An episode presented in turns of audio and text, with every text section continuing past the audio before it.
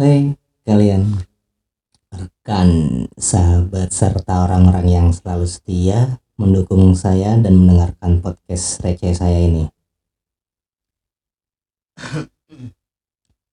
Saya balik lagi dengan sebuah topik hangat yang mungkin bisa dan atau relate sama kita semua ya. Kali ini saya akan membahas tema yang diminta oleh sahabat saya waktu saya masih di Sidoarjo. Teman seperjuangan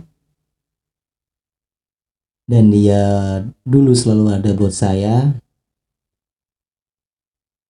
di saat saya senang, sedih, serta bercerita hal konyol mungkin ya. Dulu sekalipun saya tidak pernah mendengar keluh kesah atau kalau kata anak sekarang itu sambat mungkin ya. Dan hal itu nggak pernah terlontar dari bibirnya. Selalu ada hal-hal positif yang saya dapatkan di saat lagi bareng sama dia. Hal-hal baik yang selalu mengiringi setiap usaha dia. Dia mungkin namanya tidak ingin disebutkan. Namun sapaan serta kehangatannya tetap bisa kita rasakan mungkin sebutan yang pas untuk dirinya dan dia juga suka dengan sebutan itu. Panggilan sayang dia mungkin atau panggilan orang-orang yaitu paus jantan. Yaps dia penggemar paus. Kawan saya satu ini seorang laki-laki pekerja keras tulang punggung keluarga yang sekarang sedang berjuang entah karir serta asmara. Tema yang ingin dia sampaikan untuk pendengar saya ialah tentang bijak di dalam berharap dan berkeinginan. Menarik. Entah apa yang ada di kepalanya namun hal-hal dan ide gila selalu tercetus di benaknya dan biasanya dia sedang bersenda gurau menuliskan cerita mungkin cerita senja. Entah ini bijak dalam berharap dan berkeinginan untuk mendapatkan seseorang atau dalam berharap dan berkeinginan atas sesuatu yang ingin digapai di dalam karirnya. Tapi tunggu kawan saya ini orang yang sulit ditebak sulit bercerita sama teman-temannya sekalipun kita dekat ada sekat dan mungkin membatas untuk dirinya ya. Ia selalu senang di dalam ruang-ruang hampa di dalam hatinya. Hampa bukan berarti kekosongan bagi dia. Ia lebih ingin membuktikan atas apa yang ia ingin capai dan saya rasa dia lagi ngomongin soal rasa cinta. Yang saya tahu dia lagi memperjuangkan seseorang. Entah sampai titik mana sekarang ini. Karena ia hanya memberikan clue tanpa penjelasan di dalamnya. Yaps kata bijak dalam berharap dan berkeinginan. Itu yang terlontar darinya Mungkin entah rasa lelah atau kegelisahan yang ia rasakan, atau mungkin ia sudah tidak ingin lagi berharap serta meninggikan keinginan kepada seseorang. Saya nggak paham.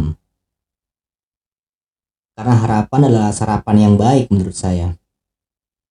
Tetapi bisa juga ia merupakan makan malam yang buruk bagi sebagian orang. Dan ada saatnya kita menemukan harapan di hari-hari terkelam serta fokus pada hari-hari tercerah, dan semestinya kita tidak pernah menyalahkan semesta.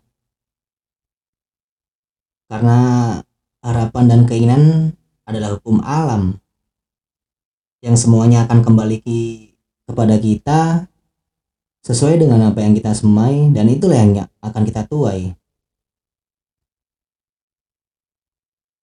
Dan semestinya kita kenali diri kita dulu agar lebih bijak dalam menggantungkan harapan dan keinginan. Yang terpenting kita sudah berjuang untuk sebuah mimpi-mimpi. Di saat orang lain kehilangan harapan, namun kita masih kuat dalam bertahan untuk berjuang.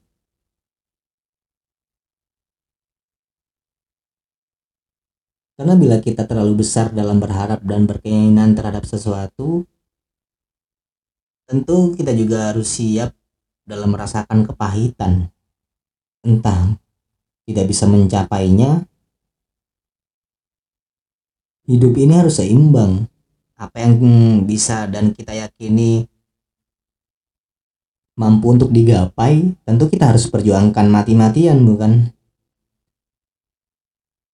Kita tentu tahu kapasitas diri kita. Jangan pernah kita tenggelam di dalam harapan, serta keinginan yang mungkin sulit dan mustahil kita genggam. Seringkali kita terbuai oleh harapan-harapan serta keinginan semu. Dan tidak ada orang yang setia di dunia ini. Bahkan bayangan diri kita sendiri pun bisa pergi di saat malam tiba.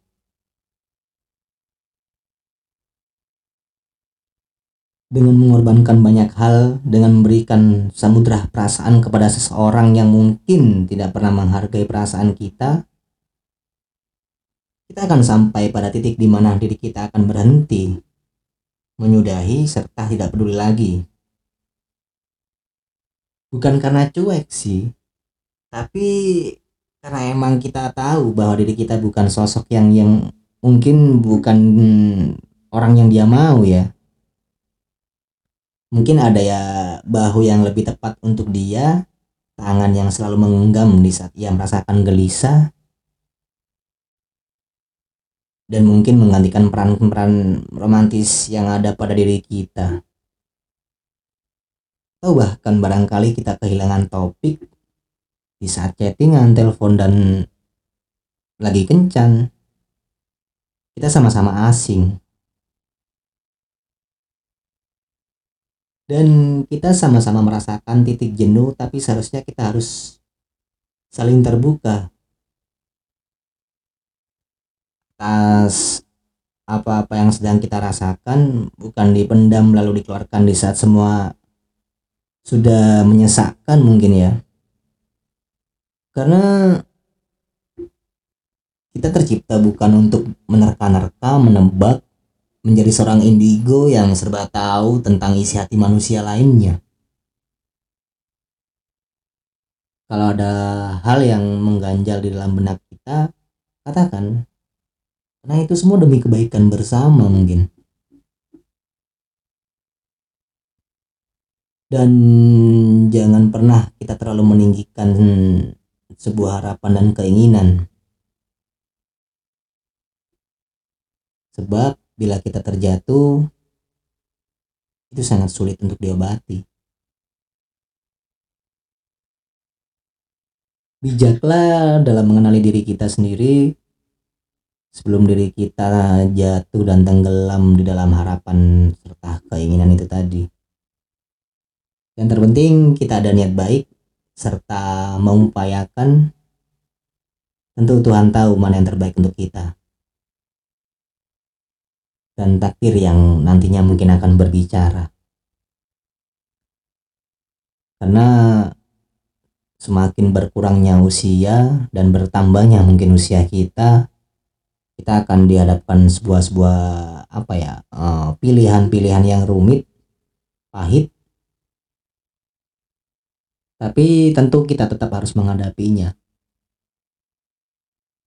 Karena kita tercipta untuk terus berusaha berjuang.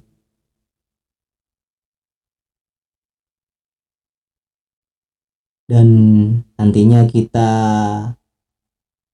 mampu merasakan sebuah kebahagiaan. Karena kebahagiaan setiap orang itu berbeda-beda. Dan takaran masalahnya pun juga berbeda-beda. Tergantung kita menghadapinya. Oke baik, uh, mungkin hal-hal yang seperti itu yang sedang kita rasakan dan mungkin teman saya rasakan tapi pesan moralnya di dalam cerita ini adalah kita harus pandai dalam mengambil keputusan, pilihan, serta meneruskan perjuangan. Terutama perjuangan tentang perasaan nih. Karena kita lagi nyari sosok pasangan yang nantinya akan kita uh, jalani bukan untuk jangka pendek tapi untuk mungkin selamanya sampai tutup usia. Dan semoga kita semua dijauhkan dari semua mara bahaya dan tetap kita mensyukuri atas apa yang sedang kita jalani, hadapi, dan menjadi manusia yang jauh lebih sabar. Baik, mungkin sekian dulu podcast dan cerita kali ini. Semoga banyak hal-hal positif yang kita dapatkan dan cerita-cerita menarik untuk ke depannya. Terima kasih dukungannya dan sampai jumpa di podcast berikut.